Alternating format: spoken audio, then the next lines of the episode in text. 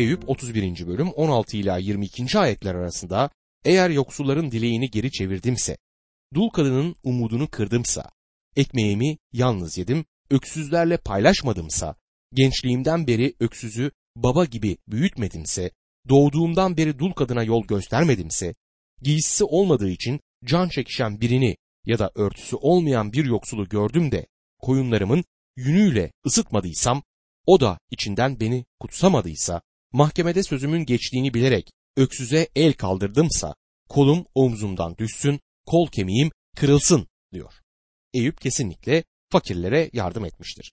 Daha kimse fakirlerle ilgili bir program uygulamaya başlamadan önce onun bir fakirler programı olduğunu görüyoruz. Öksüzlere bakıyordu. Bütün bunları yeniden tekrarlar. Yaptığı bütün şeylerle övünmektedir. Bunları gerçekten yaptığına inanıyorum ama bu konuda gurur içerisinde olduğunu söylemek gerek. Sorun da buradadır. Aslında yaptığı sürekli olarak o kadar iyi bir insandım ki Tanrı'nın bana bu şekilde davranması haksızlıktır. Tanrı hatalı demektedir. Dostum Tanrı'nın ismini her şeyin üzerinde övebildiğimiz ve kendimizi onun önünde yerde tozlar içinde görebildiğimiz bir noktaya gelebilmeliyiz. Eyüp 31. bölüm 29 ve 30. ayetlerde eğer düşmanımın yıkımına sevindim, başına kötülük geldi diye keyiflendiğimse kimsenin canına lanet ederek ağzımın günah işlemesine izin vermedim diyor. Eyüp düşmanı ayağını taşa çarpıp başını derde soktuğunda sevinmediğini söyler. Yani kinci değildir. Eyüp 31. bölüm 33 ila 36. ayetler arasında kalabalıktan çok korktuğum, boyların aşağılamasından yıldığım, susup dışarı çıkmadığım için suçumu bağrımda gizleyip Adem gibi isyanımı örttümse, keşke beni dinleyen biri olsa. İşte savunmamı imzalıyorum. Her şeye gücü yeten bana yanıt versin. Hasmımın yazdığı tomar elimde olsa, kuşkusuz onu omzumda taşır, taç gibi başıma koyardım, diyor. Gizlide hiçbir şey yapmadığını söyler. Düşmanlarının kendisi hakkındaki düşüncelerini yazmalarını arzuluyor ve onların yazdıklarını herkes görsün diye bir kravat ya da bir taş gibi takmaktan mutluluk duyacağını söylüyor. Sokaklarda dolaşıp bakın benim düşmanım benim hakkımda böyle söylüyor ve söyledikleri hep beni öven şeyler diye ilan etmek ister. Eyüp nasıl da övünüyor. Hayatı hakkındaki her şeyi dile getirmiş ama gururunu itiraf etmemiştir. Eyüp kendi gözlerinde doğru ama Tanrı'nın önünde doğru değildir. Elihu'nun konuşmasını Eyüp 32. bölümde görüyoruz. Şimdi etrafta bir kalabalık toplanmış ve bu adamların konuşmalarını dinler. Eyüp konuşmasını bitirdiğinde toplanan kalabalıktaki adamlardan biri olan Elihu konuşmaya başlar ve Tanrı sözlerini kesene kadar devam eder. Bu sırada ise ufukta bir fırtına belirir. Elihu'nun konuşmasının sonuna geldiğimizde fırtına grubun üzerine gelir ve hepsi kapalı yerlere kaçışırlar. Sadece Eyüp fırtınanın ortasında kalır. Tanrı bundan sonra Eyüp'ü kişisel olarak ele alacaktır. Eyüp'ün üç arkadaşının işi bitmiştir. Onlar giderler. Doğrusunu isterseniz bu bana rahat bir nefes aldırıyor. Konuşmaları sona erdiğinden ötürü minnettarım ve evlerine dönmüş olmalarını umut ediyorum. Eyüp fiilen tartışmayı kazanmıştır ama aslında kazanan Eyüp değildir. Karşısında bir şeyler söylemek isteyen bir delikanlı durmaktadır. Şimdiye kadar ağzını açmamıştır ki bu delikanlı için ender görülen bir şeydir. Bu delikanlının akıllı birisi olduğunu belirtmek isterim. Eyüp 32. bölüm 1. ayette böylece bu üç kişi Eyüp'e yanıt vermekten vazgeçti. Çünkü Eyüp kendi doğruluğundan emindi diyor. Bu tabii ki doğrudur. Eyüp kendisine baktığında doğruyu görüyordu. Üç arkadaşı Eyüp'e bir yanıt verememişlerdi. Bütün mantık yürütmeleri ve tartışmaları Eyüp'ün gereksinimini karşılamamıştı. Elifaz deneyimlerden söz edeniydi. Bildat ise yasa yanlısıydı. Sofar tartışmaları için insansal yetkiyi temel alıyordu. Hiçbiri Eyüp için bir çözüm bulamamıştı. Doğru olan birçok şey söylemişlerdi. Bir sürü büyük gerçeği dile getirmişlerdi ama Eyüp'ün sorununu çözememişlerdi. Bütün bunların sonunda Eyüp kendi gözlerinde doğru kalmaya devam etti. Bu tartışmanın bir değeri oldu. İki taraf herhangi bir konu üzerinde farklı düşünüyorlarsa tartışan tarafların birbirine teslimiyet ya da boyun eğmeye razı olup kendisini savunmaktan vazgeçmeyerek uzlaşmayacaklarını görmek bizim için önemlidir. Bu da günümüzdeki sorunlardan büyük bir kısmının kaynağını oluşturur. Eyüp kendisiyle gururlanıyordu. Hızlı alınan, inatçı ve hızlı kızan birisiydi ama arkadaşları da aynı özellikleri aynı derecede taşıyorlardı. Hiçbir uzlaşmaya varamamışlardı. Sanırım Eyüp'ün arkadaşları hakkında şunu söylememiz gerekir. Bir yanıt bulamadılar çünkü bir yanıtları yoktu. Kendini doğru gören birini sadece Tanrı yanıtlayabilir. Sonunda Tanrı'nın söze girip Eyüp'e yanıt verdiğini görüyoruz. Kırılmamış bir yürek başka her şeye hızlı bir cevap verebilirdi ama Tanrı'ya değil. Eyüp'ün arkadaşlarının verecek bir yanıtları yoktu ve döndüler. Şimdi ise Elihu sahneye çıkar. Eyüp'ün durumuna bir çözümü yoktur ama çözüme diğerlerinden çok daha yakındır. Ve benim düşünceme göre Tanrı'nın sonunda sahneye çıkması için bu genç adam yolu hazırlar.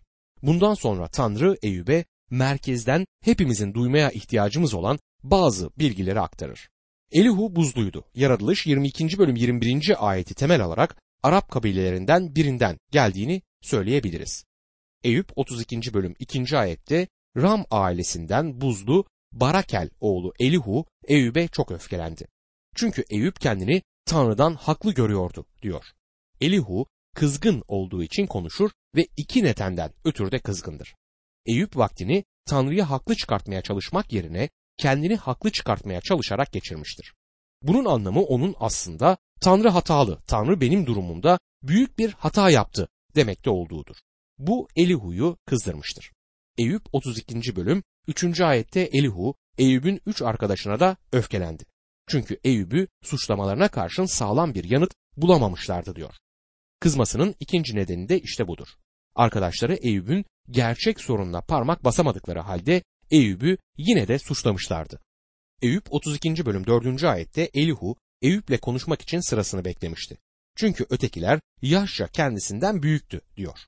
Belli ki o zamanlar terbiye bu zamandan başkaydı. Günümüzde bir delikanlı lafa hiç düşünmeden girebilir. Toplumumuzda küçüklerin ilginin odağı olduğunu görüyoruz. Bunu küçük yeğenlerimden fark ediyorum. İnanın her zaman sahnede ve ilginin merkezi durumundalar.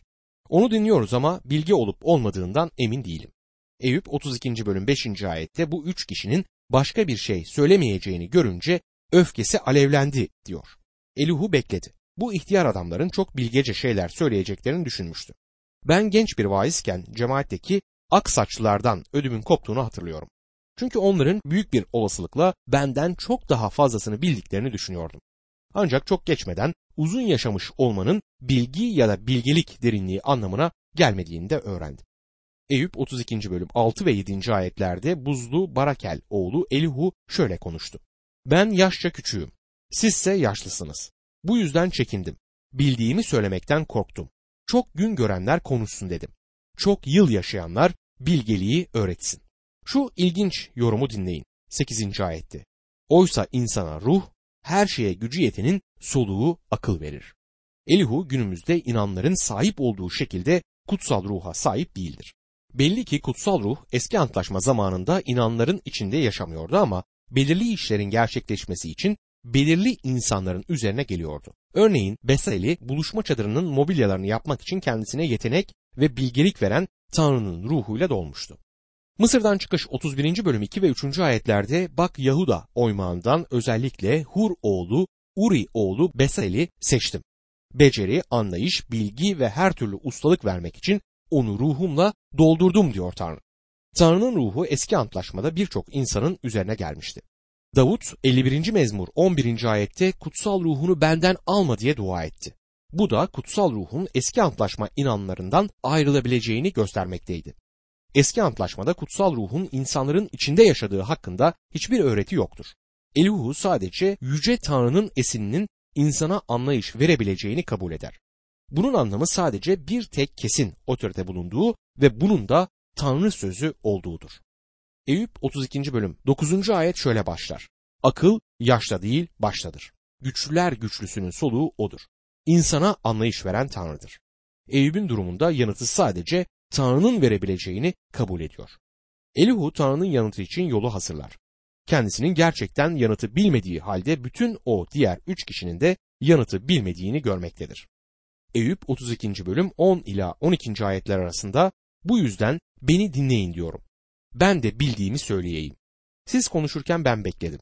Siz ne diyeceğinizi araştırırken düşüncelerinizi dinledim. Bütün dikkatimi size çevirdim. Ama hiçbiriniz Eyüp'ün haksızlığını kanıtlayamadı. onun söylediklerine karşılık veremedi diyor. Bu tabii ki kesinlikle doğrudur. Eyüp 32. bölüm 13. ayette biz bilgeliğe eriştik. Bırakın Tanrı onu haksız çıkarsın. İnsan değil demeyin diyor. Bu durum Elihu'yu rahatsız eder. Çünkü bu adamların Eyüp'e yanıt verebilmesi gerektiğini düşünmüştü.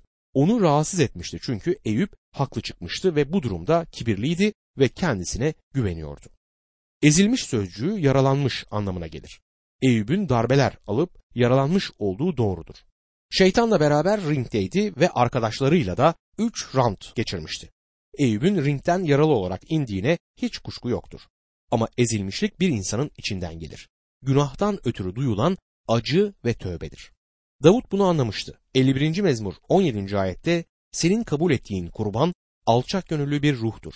Alçak gönüllü ve pişman bir yüreği hor görmezsin ey Tanrı diyebilmişti Davut. Eyüp yaralanmıştı ama hala ezilmemişti. Ancak Tanrı henüz onunla işini bitirmemişti. Kendini doğru düşünmek, gurur ve kibrin yanıtı sadece Tanrı'dadır. Bazı insanlar bana gelip üniversiteyi bitiren bir oğlum var. Şimdi her şeyi biliyor. Böyle bir oğula nasıl cevap verebilirim diyorlar. Bunun yanıtı ancak Tanrı'nın her şeyi bildiğini düşünen bir oğulla başa çıkılabileceğidir. Sizler ve ben kendimizi doğru saymaya başladığımızda bir tek şeyden emin olabiliriz. Tanrı ile ringe çıkarılacağız ve Tanrı bizi yaralayacaktır. Bize bu şekilde davranması gerekiyor. Çünkü günahımızı görmemizi ve alçak gönüllü bir ruha girmemizi sağlamak için yaralanmamız gerekiyor gibidir. John Wesley'in yaşamında bu alçak gönüllülük ruhu görünmektedir. Wesley'in alçak gönüllülüğü hakkında biraz komik bir anı var. Anlatıldığına göre Wesley dar bir köprüden geçiyormuş ve köprünün tam ortasında bir düşmanıyla karşılaşmış. Geçmek imkansızmış ve düşmanı ona meydan okuyarak hiçbir zaman eşeklere yol vermem demiş. Wesley bir an ona bakıp ama ben her zaman veririm demiş ve yol açıp adamın geçmesine izin vermiş. Sanırım böyle bir durumda verilebilecek en iyi yanıt budur. Birçok insan çekilmeye razı olmazdı ama Wesley oldu. Gerçekten ezilmiş bir ruh düşündüğümde Horatius Bonor'un itirafını düşünüyorum. Soğukluğumu, ilgisizliğimi ve gururumu itiraf etmek için Tanrı'nın önüne gittim. Bitirdikten sonra yeniden Tanrı'nın huzuruna çıkıp tövbemden tövbe ettim diyor. Dostum tövbenizden tövbe etmek gerçek bir ezilmişliktir. Çünkü tövbe etmiş olmamızdan ötürü gururlu olmamız çok kolaydır. Elihu Eyüp'ün arkadaşlarının tartışmaya devam etmelerini bekliyordu.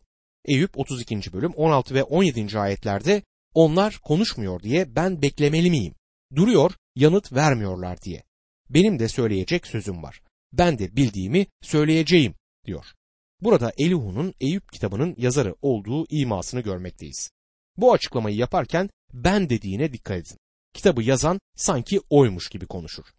Eyüp 32. bölüm 18. ayette çünkü içim dolu, içimdeki ruh beni zorluyor der. Daha fazla söylemesine izin verilmediğini söyler. Daha çok söylemeyi istiyor ama söylemeyecektir. Belli ki Tanrı'nın ruhu onu engeller. Ne yazık ki birçoğumuz fazla gururluyuz. Hızlıca alınıyoruz ve inatçıyız. Çabuk kışkırtılıyoruz. Kışkırtmaya açığız. Kendimizi haklı çıkartmak işine girmeye hazırız. Ve kimsenin bizi azarlamasını da istemiyoruz. Bir yumuşaklık tonu ve dokunuşta bir incelik yoktur. Dertlere derman olmaya çalışmayız. Kırık bir kalbimiz ve ağlayan gözlerimiz yoktur. Elifaz gibi kendi deneyimlerimizle övünüyoruz. Sofar gibi yasanın ruhuyla besleniyoruz. Bildat gibi insansal otoriteyi işin içine sokmaya hazırız. Mesih'in ruhu ve aklını göstermiyoruz.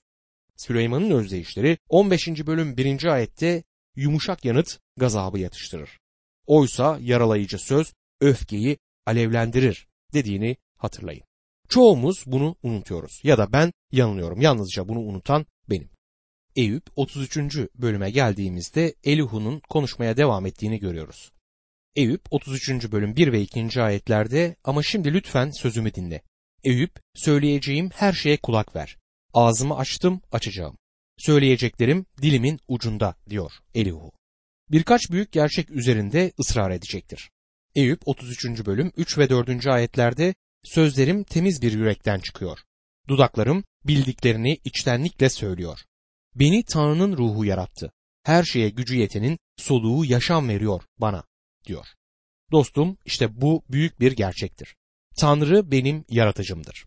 Elihu Tanrı'nın ruhu aracılığıyla konuşmaktadır. Diğer adamların Eyüp'e yanıt vermediklerini ve şimdi kendisinin deneyeceğini söyler. Petrus 1. mektubunda 1. Petrus 4. bölüm 11. ayette şöyle yazmıştı. Konuşan Tanrı'nın sözlerini iletir gibi konuşsun. Başkalarına hizmet eden Tanrı'nın verdiği güçle hizmet etsin. Öyle ki İsa Mesih aracılığıyla Tanrı her şeyde yüceltilsin. Yücelik ve kudret sonsuzlara dek Mesih'indir. Amin. Bu sözleri kutsal kitapla ilgilenen her ilahiyat fakültesinin kiliseye yazmasını isterdim. Eğer bir vaiz Tanrı için konuşmuyorsa, kaba olmayı istemiyorum ama yine de söyleyeceğim, susmalıdır. Konuşmasına gerek yok. Bir bölgede konuştuktan sonra bir adam bana çok doğmatiksin dedi. Ben de evet doğmatik olduğumu anlamış olmana sevindim diye karşılık verdim.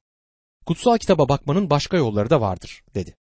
Bir yasacı olduğunu anladım. Bir başka açıklama olacağını hiç düşündün mü? diye bana sordu. Evet dedim. Bir zamanlar insanların Tanrı'nın önüne gelebilmelerinin birkaç yolu olduğunu düşünürdüm. Ama yıllarca bu konuyu araştırdıktan sonra Tanrı'nın insanları lütuf yoluyla kurtardığı sonucuna vardım ve bu konuda da doğmatiyim. Tanrı sözündeki birçok şey hakkında doğmatiyim çünkü Tanrı sözünün kendisi doğmatiktir. İsa Mesih'in tanrılığı, onun Tanrı oğlu olduğu konusunda doğmatiyim. Onun bir bakereden doğduğu, mucizeler yaptığı, bizim günahlarımız için öldüğü, mezardan bedeniyle dirildiği, göğe alınıp cennete döndüğü ve bugün Tanrı'nın sağında oturduğu ve şimdi yaşayan diri Mesih olduğu ve bir gün geri döneceği konusunda doğmatiyim. Evet kardeşim ben bir doğmatiyim. Ama bana bakıp sanırım seninle konuşmanın bir yararı yok dedi. Ona eğer farklı bir görüş açın varsa benimle vaktini boşa geçirdiğini sana rahatlıkla söyleyebilirim dedim. Dostum bunu bir de Petrus'un söylediği gibi söyleyeyim. Konuşan Tanrı'nın sözlerini iletir gibi konuşsun. Tabii ki doğmatik bilgisizlik diye bir şey var. Ama benim söylemek istediğim şey kutsal kitaptan alıntı yaptığınızda eğer onun Tanrı sözü olduğundan emin değilseniz onu aktarmaya yetkiniz olmadığıdır. İnançsızlık her zaman akılsızcadır. Söyleyecek hiçbir şeyi yoktur. Böyle konuşmadığını söylemek istemiyorum hem de çok fazla konuşur. Ancak bir adam Tanrı'nın sözlerini iletir gibi konuşmadıkça her hizmet güçsüz, değersiz ve ürünsüzdür.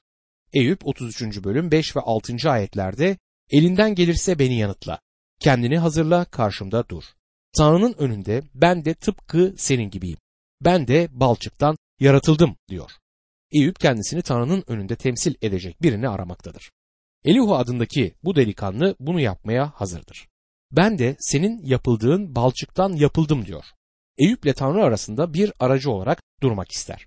Tabii ki o aracı değildir ama Rabbimizin beden alıp insan olarak gelmesi için duyulan büyük gereksinimi ortaya koymaktadır. Bir aracı olması gerekir. Bu yüzden Tanrı olması da gerekiyor ama aynı zamanda bizimle aynı balçıktan yaratılması da gerekmektedir. Eyüp 33. bölüm 7 ila 9. ayetler arasında onun için dehşetim seni yıldırmasın. Baskım sana ağır gelmesin. Sesin hala kulaklarımda. Şöyle demiştin. Ben kusursuz ve günahsızım, temiz ve suçsuzum. Elihu bundan önceki bütün konuşmaları dinlemiş ve Eyüp'ün kendisini masum gördüğünü ve Tanrı'da kusur bulduğunu duymuştu. Şimdi Elihu Eyüp'e Tanrı'nın insandan daha büyük olduğunu ve insana karşı sorumlu olmadığını söylemektedir. Eyüp 33. bölüm 10 ila 12. ayetler arasında yine de Tanrı bana karşı bahane arıyor. Beni düşman görüyor. Ayaklarımı tomruğa vuruyor, yollarımı gözetliyor. Ama sana şunu söyleyeyim. Bu konuda haksızsın. Çünkü Tanrı insandan büyüktür. Tanrı'nın insandan büyük olduğu gerçeğini söylüyor. Bu basit bir cümledir ama büyük bir cümledir. Çünkü birçok insan Tanrı'nın yerini almaya çalışır. Birçok Mesih inanlısı size bazı şeylerin neden olduğunu söylemeye kalkışacaktır. Bazı Mesih inanları sanki cennete özel telefon hatları varmış, en son haberleri kendileri alıyormuş gibi konuşurlar. Ben bundan kesinlikle şüpheliyim. Hiçbirimizin bilmediği daha birçok şey var. Eyüp 33. bölüm 13. ayette insanın hiçbir sözünü yanıtlamıyor diye niçin onunla çekişiyorsun diye sorar. Eyüp'ün Tanrı'nın herhangi bir yönetim kuralına davranışlarının raporunu sunması gerekmediğini anlaması gerekir. Hiçbir gruba karşı sorumlu değildir ve insanların düşünceleri de onu bağlamaz. Dostum Tanrı size ve bana karşı sorumlu değildir. Bize bir yanıt vermesi gerekmemektedir. Bize hesap vermesi gerekmektedir. Bazı insanlar neden Tanrı bunun benim başıma gelmesine izin verdi diye sorarlar. Neden olduğunu bilmiyorum dostum. Bütün bildiğim Tanrı'nın size hesap vermek zorunda olmadığıdır.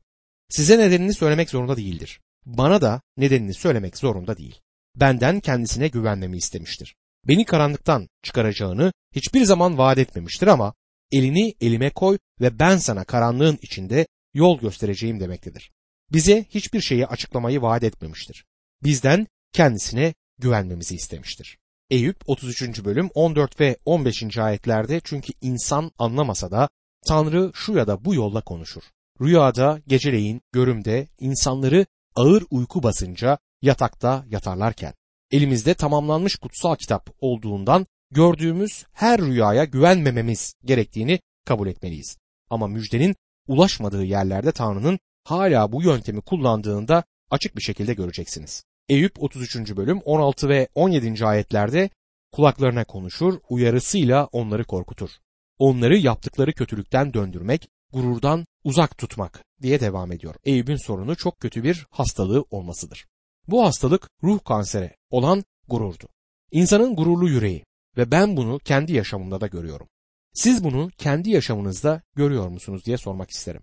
Olduğumuz türde insanlar olduğumuz için tozlar içinde yuvarlanıp çuval giyip küller sürünmeye ne kadar çok ihtiyacımız var.